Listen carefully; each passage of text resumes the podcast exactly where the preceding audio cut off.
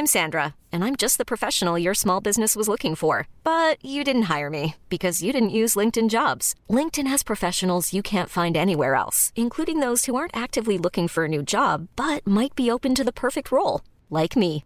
In a given month, over 70% of LinkedIn users don't visit other leading job sites. So if you're not looking on LinkedIn, you'll miss out on great candidates like Sandra. Start hiring professionals like a professional. Post your free job on linkedin.com/achieve today.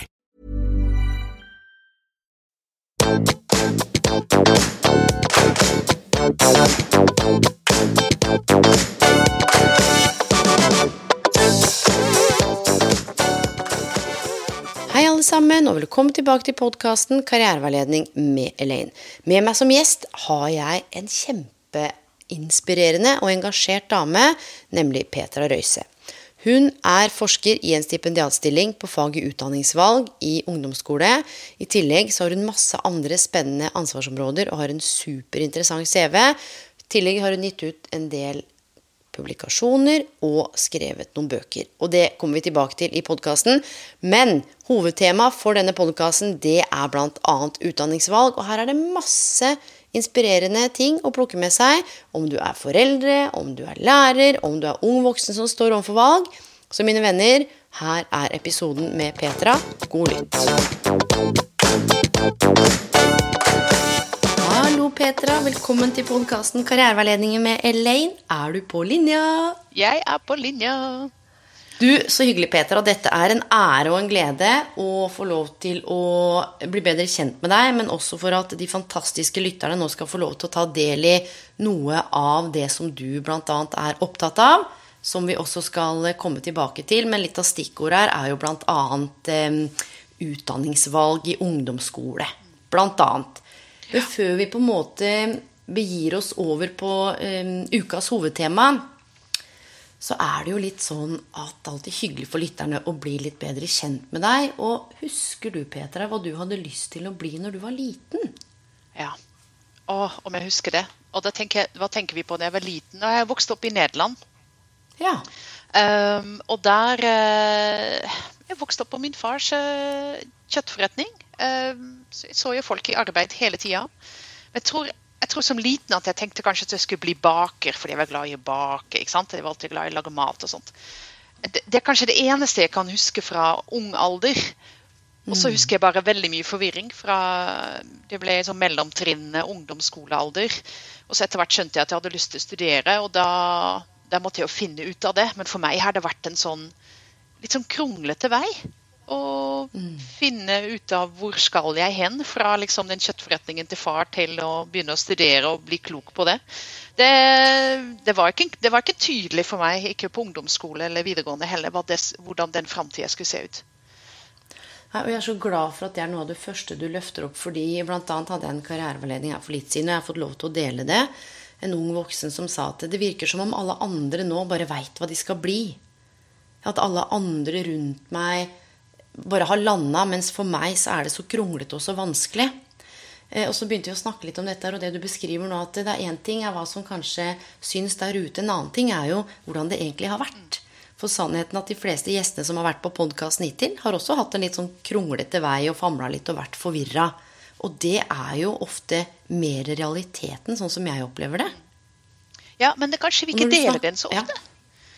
Nettopp! Men hvorfor gjør vi ikke det, Petra? Jeg, jeg, har jo inntrykk av at um, at kanskje vi mer snakker om det ferdige resultatet, hva det ble, og ikke så mye om alle, alle all forvirring vi opplevde underveis, eller alle valgene vi tok som, som viste seg å være viktige opplevelser og erfaringer underveis, som hjalp oss med å finne ut av hvem vi er og hva vi har lyst til å gjøre videre, men som ikke ble varige valg. Så det er noe med dette, den ideen om at vi tar ett valg. Men det gjør du ikke det, du tar mange valg. Altså, ut, å velge utdanning eller yrke er ikke å ta ett valg, det er å ta mange valg om og om igjen gjennom hele livet. Det, det syns jeg kanskje er underbelyst. da. Ja, og jeg tror også du sier noe viktig nå, for jeg hadde et par unge som jeg snakka med, og en som var på podkasten, og han var 21, men han sa det at det, det stress og det presset mange opplever nå, det er noe med det derre Det kjennes ut, sa han, som at vi skal ta ett valg for hele livet. Og når jeg tenker på det, så blir jeg nesten syk. Ja.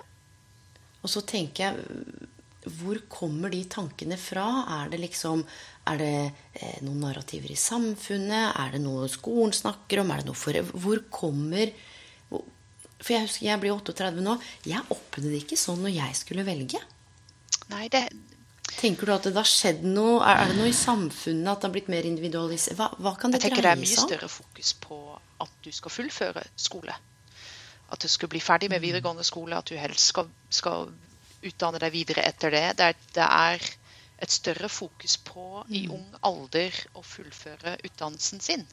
Syns vi det var noen som sa til meg eh, her om dagen jeg vet ikke om du kjenner disse, den, så, sånn skjema om hvordan norsk skolesystem er bygd opp, som begynner med de første trinnene. Er det barneskole, så kommer ungdomsskole, så er det flere trinn oppover det skjemaet, som er videregående, så kan du studere mange ting. Og så var det en ungdom som sa til meg men det fins ingen vei utenom, Petra. Det er bare Du må gå trinn på trinn på trinn. Uh, overgang på overgang, og så må du studere. litt sånn Det er det høyeste nivået. Men det står ingen pil liksom, hvor du kan gå fra ungdomsskole til arbeidslivet. eller hvor du... Og det tenk, For meg var det en sånn refleksjon som gjorde at jeg tenkte nytt rundt hvordan vi formidler uh, hvordan du kan bygge opp et liv. Og at, at, samfunnet er veldig opptatt av å holde kostnadene av frafall nede. Og at, at arbeidsmulighetene for de som ikke har fullført videregående, er, er færre. Og det, det, skaper noen spenninger mellom individ og samfunn. sant? Um, og jeg tror det trykket er høyere enn jeg opplevde det da jeg vokste opp i Nederland. Um, hvor det fortsatt var litt flere jobber å få hvis du ikke hadde utdannelse. Jeg tenker de som de som ikke fullfører videregående nå, må stå, stå på litt mer på andre måter uh, for å skaffe seg jobber. Mm. Mm. Ja, og så er det jo litt en eh, ganske, jeg vil ikke si debatt, men det er i hvert fall veldig mye skriverier nå om, om utdanningsvalg. ikke sant? Nå er det jo en del frister ja. som har vært og er på trappene. Eh, og spesielt dette med valg av yrkesfag. Eh, og, og der er det jo en del interessante hva skal jeg si, diskurser eh, knytta til hva som, hva som, blir skrevet da, om eh, hvordan man opplever et yrkesfag er mindre verdt eller mer verdt, og hvordan man må ha to mastergrader for å komme ut i arbeidslivet. det er jo ikke rart at man blir litt forvirra som ung. Jeg er snart 40, jeg blir forvirra av og til, jeg og Petra. Eh, og jeg hadde også har hatt en litt sånn kronglete karrierevei. Og når jeg ser tilbake, så kan jeg liksom connecte dots og tenke å ja, jeg valgte pedagogikken, men det fikk jeg bruk for der. Det skjønte jeg jo ikke da. For jeg tenker at Når du sier at du var forvirra, men på et eller annet tidspunkt så visste du at det var inn i akademiaen du skulle? Var det en tilfeldighet? Um, og hvordan på en måte kom du til den erkjennelsen? Var det noen som hjalp deg med det? Snakka du med noen? Ja, ikke sant. Det, det, og det er jo uh, sånn I forhold til å jobbe med karriereveiledning, så vil vi gjerne vite det. Var det én du snakket med? Var det noen som sa én ting som hjalp deg? Så håper alle karriereveiledere at vi kan, vi kan være den ene som sa noe sånt. Det er, det er jo litt sånn det er, da. Uh, jeg tror det, det er en litt, litt, forenkling, da. Det er sjelden et øyeblikk. Jeg husker for min del at uh, etter uh, mange ulike vurderinger jeg lurte på om jeg skulle overta sjappa hjemme, eller om jeg ikke skulle det, og om jeg skulle jeg tror jeg vurderte cateringfirma på et eller annet tidspunkt. Jeg, liksom, husker mange ting. Altså, da var jeg ungdomsskolealder. Og så, mm. uh, når jeg ble liksom 15-16 og skjønte at er, jeg ville studere, så måtte jeg begynne å tenke på hvilken retning det skulle ta. Og det eneste jeg visste, at jeg hadde egentlig lyst til å jobbe med mennesker. men jeg hadde ikke lyst til å jobbe med syke mennesker. Jeg hadde lyst til å jobbe med friske mennesker. Og hvordan skulle jeg gjøre det? Og det ble et studie i sosial- og kulturarbeid som er noe typisk nederlandsk. Det fins ikke i Norge. Men det ga meg mulighet til å jobbe med mennesker og, og utviklingsprosesser eh, lokalt, regionalt, eh, knyttet til enkeltindividets læring, men også mye som myndiggjøring. Og Det var jeg jo selvfølgelig ikke helt klar over når jeg startet på det, men jeg syns det hele det kulturelle som var liksom inne i det studiet, det appellerte veldig til meg. Altså, jeg, jeg, var, jeg, ble liksom grepet når jeg var på åpen dag. da, og Det hadde jeg lyst til å til å studere. Og storkoste meg. Eh, bachelor i Nederland av fire år. Var fire år med storkos på studiet. Jeg var så på riktig plass. Og så flyttet jeg til Norge, og der hadde jeg en utdannelse som ikke fantes i Norge. Og der måtte jeg finne ut av hvordan kan jeg bruke den utdannelsen her. Og hvordan kan jeg fortsatt jobbe med friske mennesker og deres myndiggjøring og læringsprosesser. Og dermed så ble jeg vikar i skole og endte opp som eh, sosiallærer i, i på en barneskole. Det likte jeg også kjempegodt. Men det, det er liksom ting blir til. ikke sant? Men de, du er i bevegelse, du, du er, eh, møter folk rundt deg, og du snakker med mennesker. Jeg tror det er kanskje noe av det det har jeg blitt veldig veldig opptatt av i doktorgradsarbeidet mitt. Det er hva det betyr å, å få lov å utvide horisonten. Å møte mange mm. mennesker. Være nysgjerrig på de menneskene rundt deg og snakke med dem om hvordan, hvordan ble utdannelsesveien til for dem? Hva har de tenkt over? Hvilke usikkerheter har de hatt? Når var de i tvil?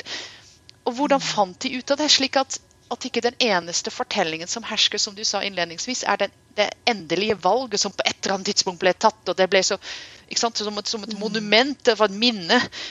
Jo, for meg er det jo ikke vært sånn. Det er ting jeg har valgt om og om igjen. Mm. Og så har jeg vært på vei til noe, syns det er interessant. Jeg, det er noe med, Du kan liksom tenke at du kan følge det sånn Noen ganger kan det være litt sånn magnetisk. At du tenker 'Å, nå blir jeg dratt i en retning'. Her er det et eller annet. Du møter et mm. menneske som forteller om kan jeg, kan jeg komme med en distraksjon? Jeg, hadde, jeg, skulle, en, jeg skulle, være hos tannlegen eh, før jul og skulle ha en krone. Eh, og så hadde den kronen vært ferdig, og den skulle liksom uh, plasseres i, i, uh, på plass. Og så sier tannlegen at den har ikke helt den kronen har kommet, men den er ikke helt riktig farge, syns jeg. Og dette var siste dag de var åpen før jul, så de kunne jo ha stikket bort til tannteknikeren, så kan han farge den. Så hun ringte til tannteknikeren, de var jo kjente hverandre godt, og jeg kunne bare stikke innom han. Så det er første gang i mitt liv jeg er på tannteknikerlaboratoriet. Og da blir jeg så nysgjerrig. Ikke sant? Altså må Jeg spørre, jeg har sittet og ventet to timer mens han håndmalte kronen min, dette har jeg ikke vært borti før, og spør han 100 spørsmål om hvordan jobber han, hvordan ble dette til? Og så forteller han nei, han, hadde, han likte å male sånne små figurer som guttunge. Han var glad i sånne fine ting. Og så hadde faren hans på et eller annet tidspunkt sagt ja, men kanskje sånn, sånn tannteknikere de gjør noe lignende. Og det hadde han husket. Så for han hadde et sånt konkret minne av en som foreslo noe til han. Det hadde ikke jeg. Men jeg, det, er noe, det, er noe, med å være nysgjerrig og, og bli liksom glede seg over å se Møte mange ulike mennesker i mange ulike jobber som gjør ulike ting. Da blir man klok, tenker jeg, altså. Ja, og så er det noe med en forlengelse av dette med mennesker, men du sa også noe med dette med, med kultur. At det var også noe som i det studiet. Nå hadde du jo det i ordlyden på studiet, men ikke sant? du er jo, og vi er jo hele tiden i møte med ulike kulturer. Nå snakker vi ikke om om nødvendigvis eh, veldig sånn store altså distinksjoner på kulturer, men vi kommer jo alle fra ulike steder og bærer med oss ulike kulturer, verdier, identitet. Og jeg liker det du sier, for jeg tror mange har også en oppfatning av at karriereveiledere Dette er det folk har sagt til meg når jeg har spurt. Det er de som skal hjelpe noen å finne en jobb eller fikse CV og søknad, eller forteller de hva slags valg av utdanning de skal ta. Og den oppfatningen der, det er den jeg liksom ønsker å være med på å snu, for det er jo ganske langt unna det du beskriver nå, med den nysgjerrigheten og dette med å stille spørsmål og undre seg sammen. Og det er jo litt det vi gjør i den podkasten her òg. Vi undrer oss sammen. Fordi når du da har vært på barneskolen og vært sosiallærer. Hvor, hvor er det magnetismen fører ja. deg videre? Hvor blir du dratt det, hen da? Um, da ble jeg faktisk det, hadde, det var jeg i fem år. Og så fikk kommunen jeg jobbet i, dårlig råd. Og sosiallærere trenger man ikke i barneskolen, ja. så da ble jeg omplassert. Men da havnet jeg øh, Det viste seg at den utdannelsen fra Nederland, den passet veldig godt eh, til å bli mellomleder på, eh, for ungkultur. Uh, og det var Asker kommune jeg jobbet i da. Så da ble jeg uh, mellomleder ved Asker kulturhus for en ungdomsavdeling som, uh, som heter Radar. Og det var, det var helt i tråd med den bachelorutdannelsen min. og den Det syntes jeg var superspennende å være der. Så var jeg der en stund. Men jeg ble mer og mer fascinert av dialogen med ungdom på den tida. og jeg var en periode også kultursjef sånn eh, i en overgangsperiode. Og da oppdaget jeg at nei, hvis det står mellom, mellom fag, og jobber med fag eller jobber med ledelse, så er det fag som vinner. Det er det, er det, det sosialarbeidet og kulturarbeidet som, eh, som tiltrekket meg. Ja, så det lærte jeg mye av. Jeg lærte at jeg, jeg ønsker ikke å, eh, å jobbe videre med ledelse. Og den, det, det ble sånn skifte i, i, hvordan jeg fokuserte videre. Det ble videreutdannelse i veiledning og coaching, og det ble jo liksom starten på at jeg jobbet mer og mer med dialog med ungdom. Så det er ballet det på seg, på en måte. Uh, ja. Ja, og nå er du jo midt i et viktig arbeid. Kan ikke du si litt om det du holder på med nå, som egentlig for meg henger sammen med eh, store deler av karrierereisen som du beskriver nå? Det liksom, du er jo ikke ferdig, ja. men det er mange bekker små, da. Ja. Altså alle disse små hvis du sier magnetene har på en måte ført til litt det der dypdykket og det du på en måte holder på med. fordi Kan ikke du dele litt eh, det med lytterne, det arbeidet du gjør? For det er også utgangspunkt for hovedtemaet som vi snart skal komme til. Ikke sant. Ja, for denne, denne, reisen eh, som du ber meg gå tilbake til, den er jo på et punkt på et sted nå. Og akkurat nå så er jeg jo i siste fasen av å skrive ferdig doktorgraden min, som retter seg mot fagutdanningsvalg i ungdomsskolen. Ja. Mm. ja. Det er eh, Ja. Og det er først Og det har vært, det har vært samme Eh, jeg tenker magnetisme ikke er så, så det, hva, hva tiltrekker seg av har vært en viktig sånn Hvordan har jeg tatt valg? Det har vel vært hvor, I hvilken retning dras jeg nå? Uh, og det tok en stund å komme til valget om å søke en stipendiatstilling. Der får du tid til å skrive en doktorgrad. Det er en stilling som, uh, hvor du skriver doktorgrad på, mm. på heltid. Og det, det, tok, det tatt meg noen runder å, komme, å bli klar, men på et eller annet tidspunkt så kjente jeg veldig tydelig nå, nå er jeg klar. Det var desember 2016. Da var jeg klar. ja, for dette her er litt spennende igjen, som mm. du sier òg. At, at, du må gå noen runder og litt det vi er inne på. At alt står nødvendigvis ikke bare helt klart for deg. Og så er det jo noe med de rundene du går, og så er jeg litt sånn nysgjerrig på for det er jo en del valg eller avveininger. Du har vært ett sted, og så er det en ny overgang, og så um, kommer man inn i en ny jobb. Uh, og dette er kanskje litt rart spørsmål. Jeg skal bare spørre, for uh, på egne vegne, kjenner du at du er mer sånn hjertestyrt, eller sånn styrt av nysgjerrigheten og dette med å hive seg litt uti? Eller er det mer hodet og det rasjonelle og mye sånn konsekvens? Jeg vet at begge to spiller sammen, men hva opplever du på en måte kan ha sterkest dragning hos deg da, når det gjelder en del av de valgene du har tatt? Ja, jeg tenker, uh, hvis, hvis, du sier hode og hjerte, da, hvis det er sånn uttrykk som du bruker, så tenker jeg det har vært viktig for meg at det har vært begge deler, og ikke bare hodet. Det, jeg tror kanskje at det, jeg har nok ikke um, Jeg har vært hele veien tenkt at jeg skulle ta en utdannelse som jeg kunne få jobb i. Som det var mulig å, uh, mm. å skaffe seg arbeid med. Um, mm. Og jeg er nok sånn, sånn, veldig engasjert i det jeg jobber med. Det er viktig for meg å være engasjert i det jeg jobber med. Det, tenker, det, mm. det trenger ikke være sånn for alle. Uh, det er også viktig å snakke om, Elaine, at det er ikke, ikke, ikke viktig sånn, hvilken plass har jobb i livet ditt. Og for meg uh, jeg Ved siden av familien min så er det liksom det, det, Jeg blir veldig engasjert i det, og det har jeg behov for. Jeg har behov for å få ut den energien i jobben. Mm. Um, så jeg har alltid letet etter hva er jeg blir engasjert i for tida hva vil jeg lære mer om? Um, mm. Og den mm. Jeg tror jeg mistet spørsmålet ditt. Hva var det du Hode, hjerte, var det. Ja. Jeg, jeg, skal komme tilbake til, til spørsmålet. fra hode, hjerte. Jeg skal bare si en ting. For det du beskriver nå, dette har jeg sagt flere ganger på podkasten når jeg snakker med folk, det virker som om alle, eller de fleste, nå generaliserer jeg en, for det er liksom denne, denne språkdrakta når jeg er i møte med mennesker. Så sånn, det virker som om alle andre er så lykkelige i jobben sin. Det virker som om alle andre har funnet meningen eh, med livet gjennom jobben. Men så er det jo sånn at Og vi vet jo at karriere kan jo ikke ses på som isolert. ikke sant? Det er jo ganske tydelig eh, overslag til alle andre arenaer. Psykisk helse, fysisk helse, økonomi, partner, altså familie, barn, personlig utvikling. Altså alt mulig. Noen syns det er helt greit å gå på jobb eh, nattevakt eller åtte til fire og trykke på en knapp eller sitte på sentralbordet, kjøre buss eller kanskje til og med forske. Men det er ikke det som har den største plassen. Det kan være familien, det kan være frivillig arbeid, det kan være at man strikker.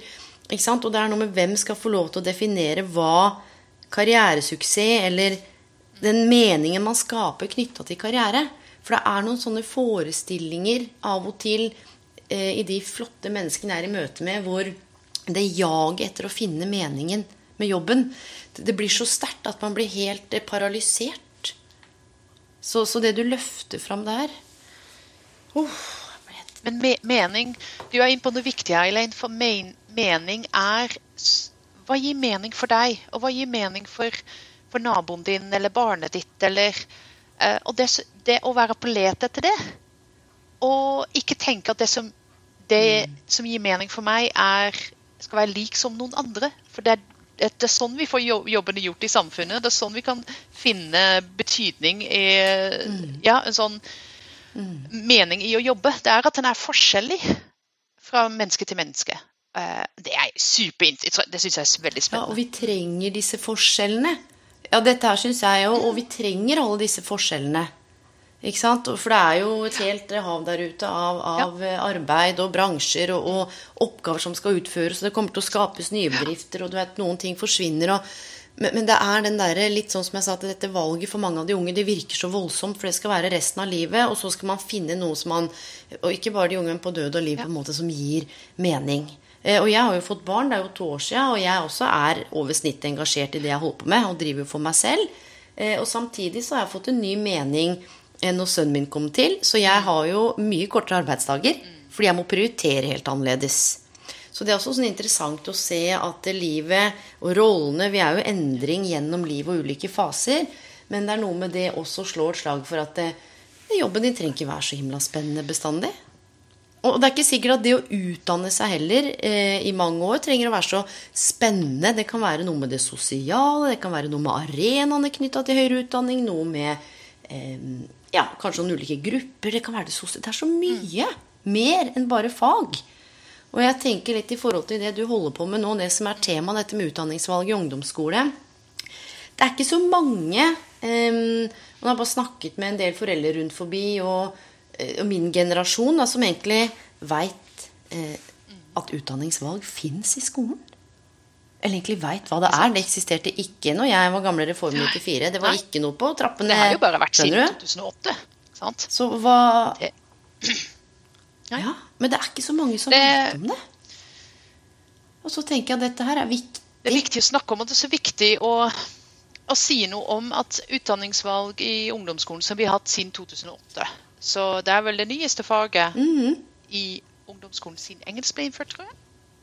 Uh, og den mm og den Engelsk kom på 70-tallet, eller noe sånt, så det er litt sånn liten revolusjon da, hvis man tenker sånn i alle læreplaner som håndteres i, eh, i ungdomsskole, at vi har en, en, læreplan i utdanningsvalg. Og det er noen andre land i verden som har det, det er ikke så mange. Mm. Det er faktisk mange land som ser til Norge, og, og, og ikke minst karriereveiledningsfeltet, som misunner Norge den læreplanen. For det setter plutselig på mm. eh, Forplikter skolene til å sette av 110 timer i løpet av tre år til det temaet vi snakker om nå. Og det, det gjøres nokså mm. så ulikt, men heldigvis så vet vi også om veldig mange gode eksempler av, av, god praksis der i forhold til å la elevene bli kjent med seg selv og verden mm. rundt seg. Uh, gjennom å forberede dem på disse ja. uh, både valgene, men også lære generelt om, om seg selv og livet, arbeidslivet, ikke minst. Ja, og dette her er jo det som er litt spennende for de, og også spennende for meg, fordi du er opptatt av det. Hva er det på en måte med disse ungdommene, eller med faget utdanningsvalg, som er så fascinerende eh, for deg, da? Ja. For meg er det det som ble veldig fascinerende for meg, jeg som hadde da jobbet med og snakket med ungdommer i mange, i mange år før, um, før, jeg valgte å søke uh, doktorgradsstipendiatstilling jeg, ble opptatt av at det fantes en, et rom i norsk skole der det var satt av tid til å drive veiledning av ungdom kollektivt i klasserommet. Der plutselig ble det en, en mulighet for å påvirke hvordan alle ungdommene nås med dette temaet som vi snakker om nå. Så istedenfor at jeg jobbet selvstendig eller i kulturarbeid eller i eh, Jeg har jo undervist eh, på eh, på Oslo OsloMet i en del år før jeg begynte på Universitetet Sørøst-Norge, der jeg er nå. Mm. Eh, det, det, var også en måte å nå ut til folk som jobber med ungdom på. Men nå med den doktorgradsarbeidet så kunne jeg jobbe også mer på, på styringsnivå og forsknings, fra et forskningsperspektiv for mm. å nå mm. ut til ungdommer. Eh, mm. Jeg vil jo så gjerne at ungdom skal møte lærere med forståelse for faget. Lærere som også er opptatt av dette temaet, som er opptatt av å se den enkelte ungdom og reflektere i, sammen med dem rundt deres mm. ideer om seg selv og verden rundt seg. Og, og hvordan skal folk, eh, lærere, bli gode på det? Eh, og hvordan, skal, hvordan, opplever elevene denne undervisningen? Og får de ut av det? Og vi ser vi har mange utfordringer å ta tak i der, men det er et spennende ja, felt det, å være en del av. Ja. Og det er akkurat det der som er spennende, for jeg hadde de to stykker fra karriereenheten i Oslo som jobber bl.a. med karriereveiledning både i ungdomsskole og videregående.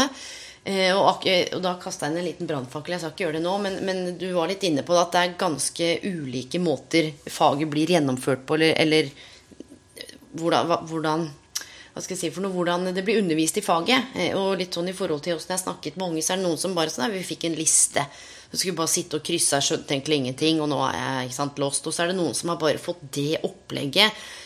For vi snakket jo sammen bitte litt før, eller for en stund tilbake, før du skulle være gjest, og du var inne på dette med bl.a. Um, elevenes karriereleining, altså mellom kontekster. Ja. Som jeg syns var litt fascinerende. At det er ikke bare det å se på en liste, og så bare Og jeg liker det, så da velger jeg det. Men det er, det er noe mer her. Det er noe større. Ja eh, som kan være viktig at elevene tar del i, som også kan være greit for foreldrene, tenker jeg, som lytter, og også har litt i bakhodet, som, som, kanskje ligger der, men som man ikke er bevisst. Ja. Jeg tenker at, kan ikke du snakke litt jo, for, om det? For det jeg fint. tenker De kontekstene for meg handler om å, at gjennom dette faget så vil elevene f.eks. Det er en god utviklet praksis i Norge at elevene drar på hospitering til videregående skoler de soner til. Eh, og se, kan ha mulighet til å se på ulike linjer Sant? Det er en måte å mm. bevege seg mellom kontekster på. Konteksten ungdomsskole og videregående skole. Eh, det er også nokså vanlig at elevene drar ut på arbeidsuke f.eks. på 9. trinn en gang. Og får, være med en foreldre eller en bekjent eller søke seg inn i en bedrift og være der noen dager eller opp til en uke. Og noen skoler har god erfaring med å sende elevene på bedriftsbesøk en dag, hvor de kan gå og se hva gjør en arkitekt f.eks., eller hva skjer på politistasjonen, eller å få tilgang til eh, bedrifter og yrker som de kanskje i utgangspunktet ikke hadde nettverk for å få tilgang til. Og det mener jeg er, Når vi snakker om læring mellom kontekster, så har utdanningsvalg, faget, har et potensial til å hjelpe elevene med å se mer av verden enn de hadde greid på egen hånd, bare mm, basert på mm. hvem er det mamma og pappaen din kjenner. Så mm, det er jo mange som skaper arbeidsuke og f.eks. blir um, ja, Hvis du har eh, en nabo som jobber i barnehage, så er det enkelt å spørre naboen kan jeg bli med deg i uke. Ja ja, sier naboen, det går fint. Og, men det var kanskje ikke en, en, tanke bak at det var barnehage du var interessert i. Og For mm. noen elever vil det være sånn, men andre elever de har en konkret idé om hva de vil utforske i forhold til sin vei videre. Se på en, eh, en Dra på et uh, bilverksted og få lov å kjenne litt på, lukte litt på hvordan det er der å være med og, og, og mekke en viktig forberedelse på mm. skal jeg gå uh, i retning av bilmekanikerfaget eller ikke. Så elever um, som, som, du og jeg beveger seg på individuelle læringsbaner. ikke sant? Mm. Og dette mm. faget gir jo innspill til å finne ut av hvem er jeg, hva betyr skole for meg, og hva er jeg nysgjerrig på i verden der ute. Og, og bli litt sånn, og deale litt med den usikkerheten og tvilen som er helt naturlig å ha en del av den prosessen. Det mener jeg, sånn tilbake til det vi snakket om tidligere i stad. Mm. Hvor viktig det er å ikke bare ha fokus på ett valg, men å få hjelp til å se på usikkerhet og tvil som muligheter for utvikling. Ja, og det er jo litt sånn interessant, og nettopp fordi at eh, karrierelæring er på timeplanen, og det er jo en del ting man skal gjennom på de ulike trinnene. Og så er det nettopp noe med når man er ute og gjør. Fordi jeg har holdt noen foredrag på utdanningsmessa litt sånn rundt omkring i Norge. Og så eh, traff jeg en eh, lærer og noen ungdommer, dette er en stund tilbake. Og da de var liksom bare sendt ut, de. Og så spurte jeg men hva er det dere ser etter her. Har dere gjort dere noen tanker om noen yrker? Eller, nei, jeg har ikke snakka om det på forhånd. Det var liksom bare det utdanningsmesse. Det er liksom fri. Vi stikker inn til Oslo med toget, og så går man rundt. Så kommer de med tilbake med en pose med kanskje sånn 70 kataloger, 11 penner, 20 ulike twist. Ja. Og så er man helt lost. Mm. Ikke sant? Så, så, det du beskriver med hva er baktanken, eller hvilke spørsmål kan jeg stille meg, hvem kan jeg undre meg mm. sammen med? At vi tenker over når vi har beveget oss gjennom disse kontekstene, at det må være noe, noe rom for å oppsummere eller reflektere over. Mm. Mm. Dette med å sanse. Og der tenker jeg, dette var min personlige mening, at foreldrene eh, er kjempeviktig. Med å stille de gode, åpne spørsmålene mer enn å fortelle at sånn er det, eller være eh, formanende. For det er også noe jeg får en del tilbakemeldinger på, at det er lite rom for ja. dialog. Det var en eh, Nå har jeg jo i, i doktorgradsarbeidet mitt eh, bl.a. spurt elever hvordan de opplevde uh, arbeidsuka si. Uh, og, det, ja. Og hvordan de opplevde det, å bevege seg fra skole, forarbeid på skole, arbeidsuke og etter arbeid på skole. Og, for det er noe med å bevege seg mellom disse kontekstene, og, og hvordan klarer jeg å ta med meg noen tanker fra den ene til den andre konteksten.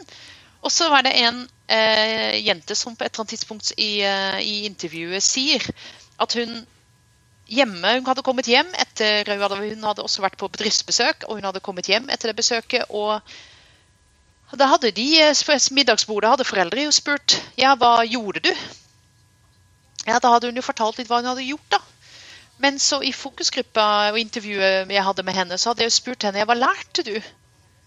Så sa hun at det var jo noe, da, nå spurte du meg noe helt annet. Det har jeg ikke tenkt på. For hjemme var det sånn Ja, hva gjorde du, og hva gjorde du? Men når du spør meg hva lærte du, da, da må jeg tenke meg om litt. Og det tenkte jeg kanskje også rollen skolen har i en sammenheng. Det har Ja. Det er en annen, å ta en annen posisjon og tørre å spørre andre ting.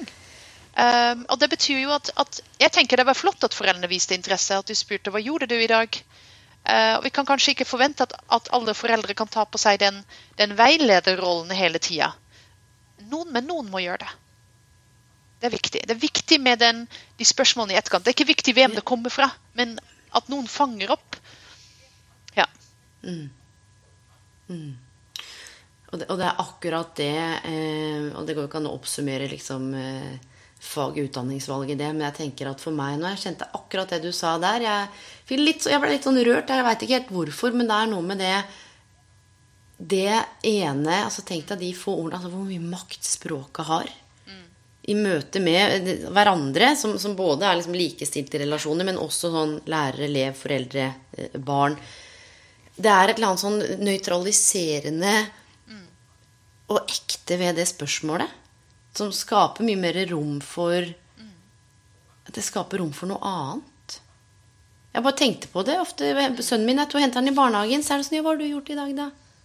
Det, det ligger i meg, enda jeg har jobba med karriereveiledning i ti år. Og ikke sant, har sikkert spurt folk, eller har spurt folk hvor lærer Men med han Jeg har ikke spurt deg, hva lærte du i dag, da? Jeg sa hva gjorde du i dag, da?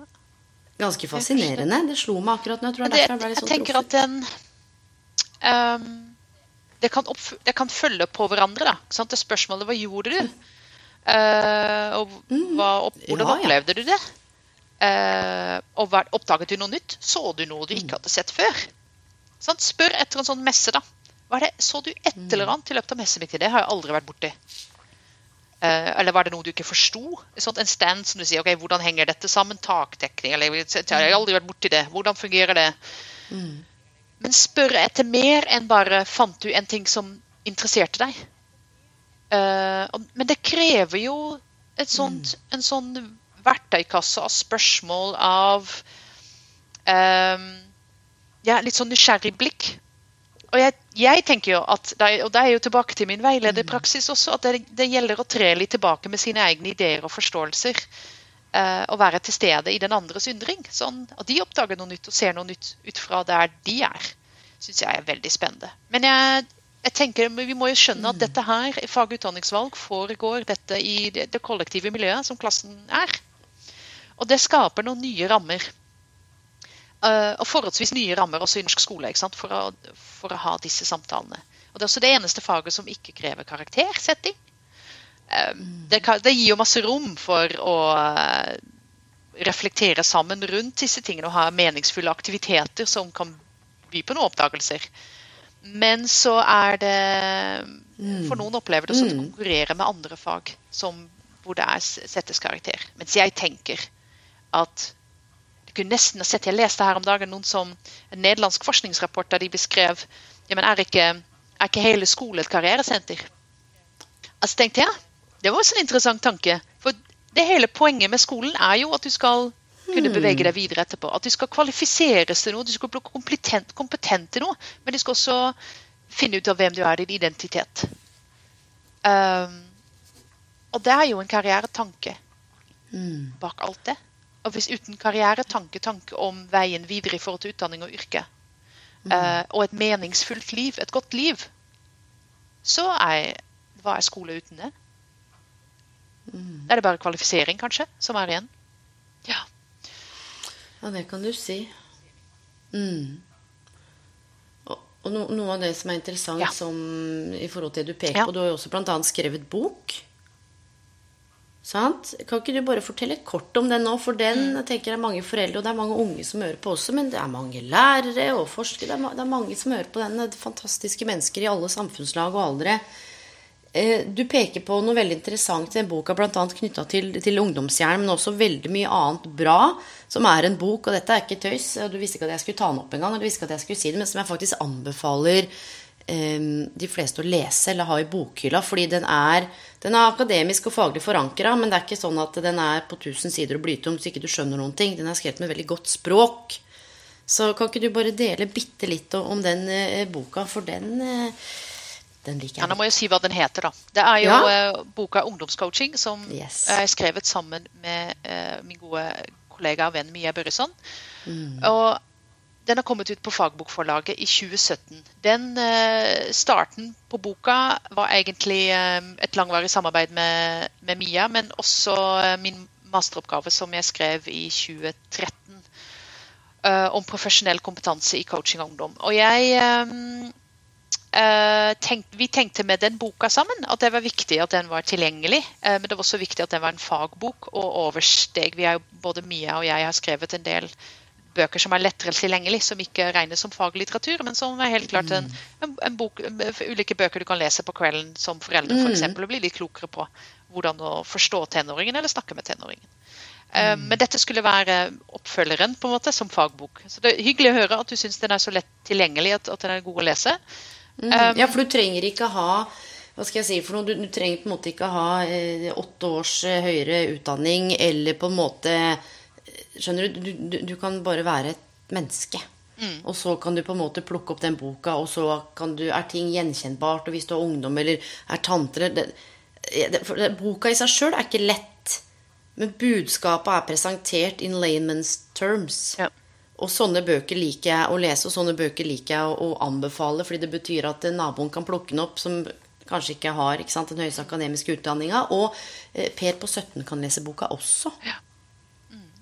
Så for, og spesielt litt dette med, med ungdomshjernen. Og, kan ikke du bare si noe kort om det? For det er jo ganske relevant inn mot det vi snakker om nå. Det er så artig. Jeg tror jeg har snakket om ungdomshjernen siden 2009. Og det er fortsatt et oh, ja. tema som Ja. er bare er folk dras mot. da. Um, og den det er Heldigvis så forskes det jo uh, utrolig mye på det for tida. Uh, det har de gjort nå vel i, i hvert fall en 25, 25 år. Og det gir oss innblikk i hvordan hjernen til ungdommer er under utvikling. Og den er eh, ja, Noen sier ombyggingsprosesser, noen sier det er lagt ut på høring og, og innspill mottas. Men det, det er jo en, en fase hvor ungdom ikke bare i, i, i sitt liv forventes å orientere seg mot nye skoletyper og veien videre, men også i seg selv opplever at, at ting fornyes. Og jeg tror mange ungdommer har eh, godt av å høre at, eh, at det, fører med mye sterkere nye følelser enn de hadde før. Eh, dårligere impulskontroll, kanskje de kjenner at, humøret skifter veldig fort.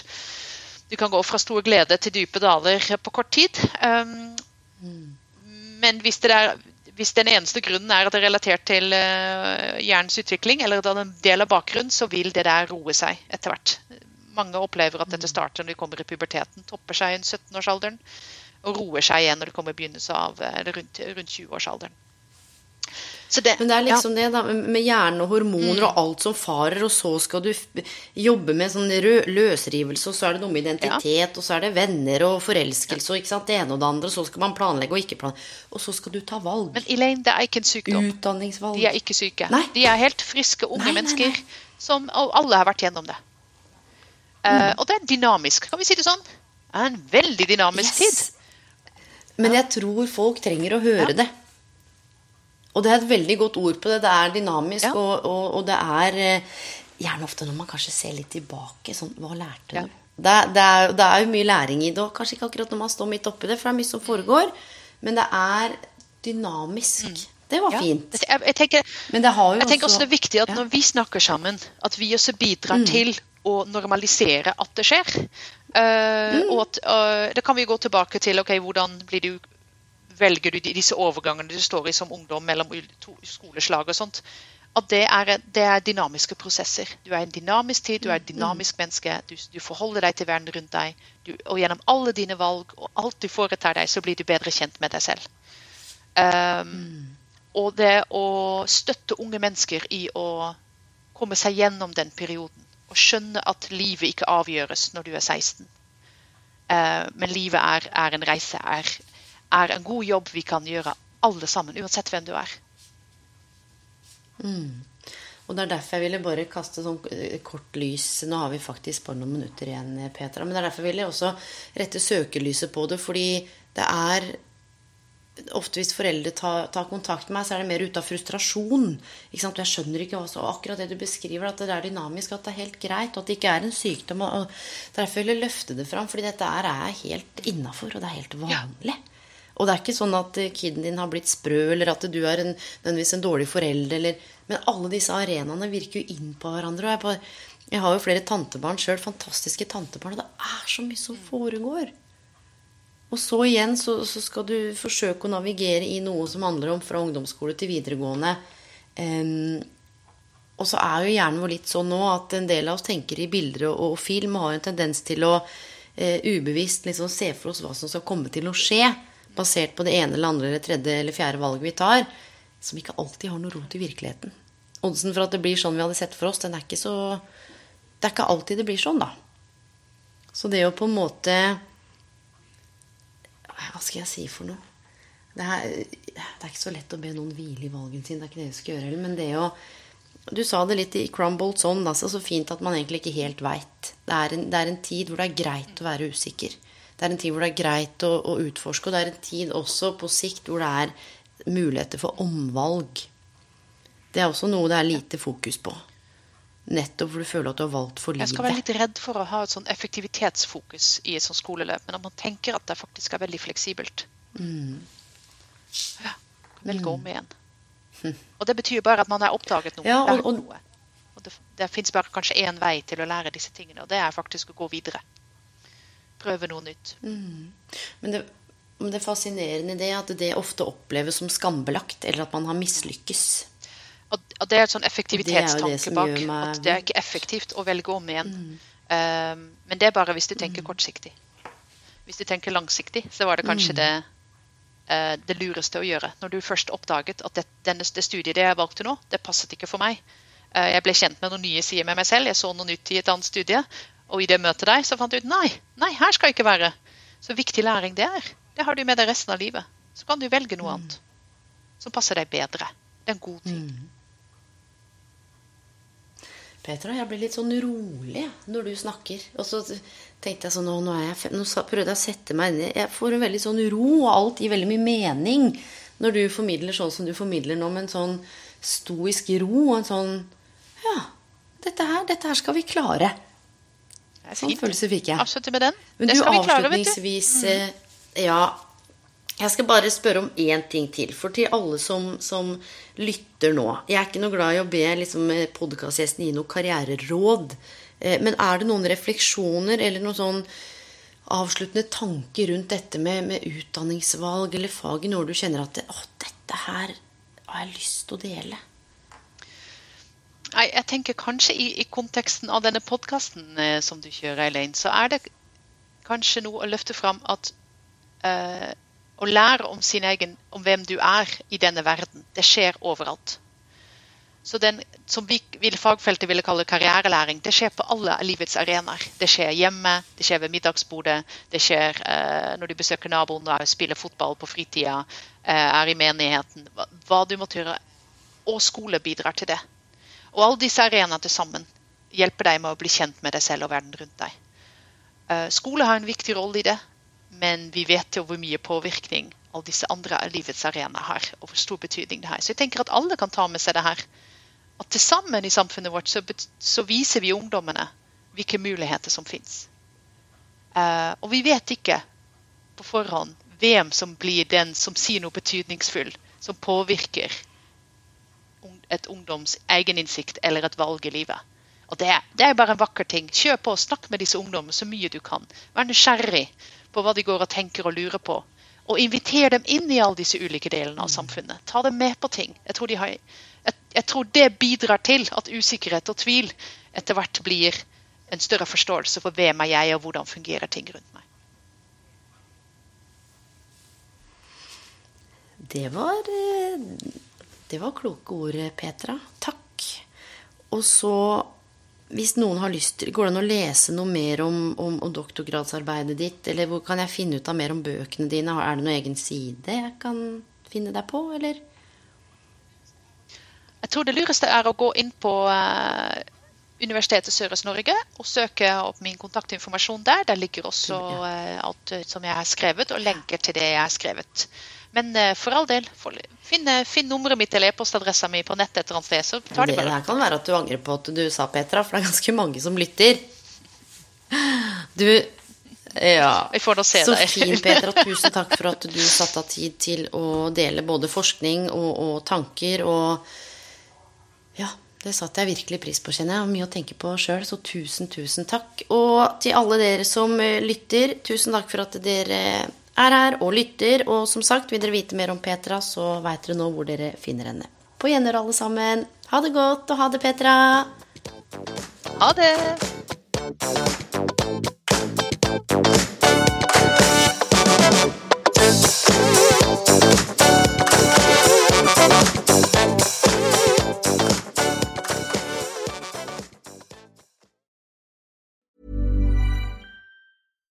My business used to be weighed down by the complexities of in person payments. Then, Tap to Pay on iPhone and Stripe came along and changed everything. With Tap to Pay on iPhone and Stripe, I streamlined my payment process effortlessly. Now I can accept in person, contactless payments right from my iPhone. No extra hardware required. What's truly remarkable is how I can cater to all of my customers' payment preferences. Whether they're using cards, Apple Pay, or other digital wallets, Tap to Pay on iPhone and Stripe ensure a smooth checkout experience every time. And it's not just me. Stripe helps businesses of all sizes, from local markets to global retailers, scale quickly and stay agile. To learn how Tap to Pay on iPhone and Stripe can help grow your revenue and reach, visit stripe.com/tapiphone. Hold up. What was that? Boring. No flavor. That was as bad as those leftovers you ate all week. Kiki Palmer here, and it's time to say hello to something fresh and guilt-free. Hello Fresh. Jazz up dinner with pecan-crusted chicken or garlic butter shrimp scampi. Now that's music to my mouth. Hello Fresh. Let's get this dinner party started. Discover all the delicious possibilities at hellofresh.com.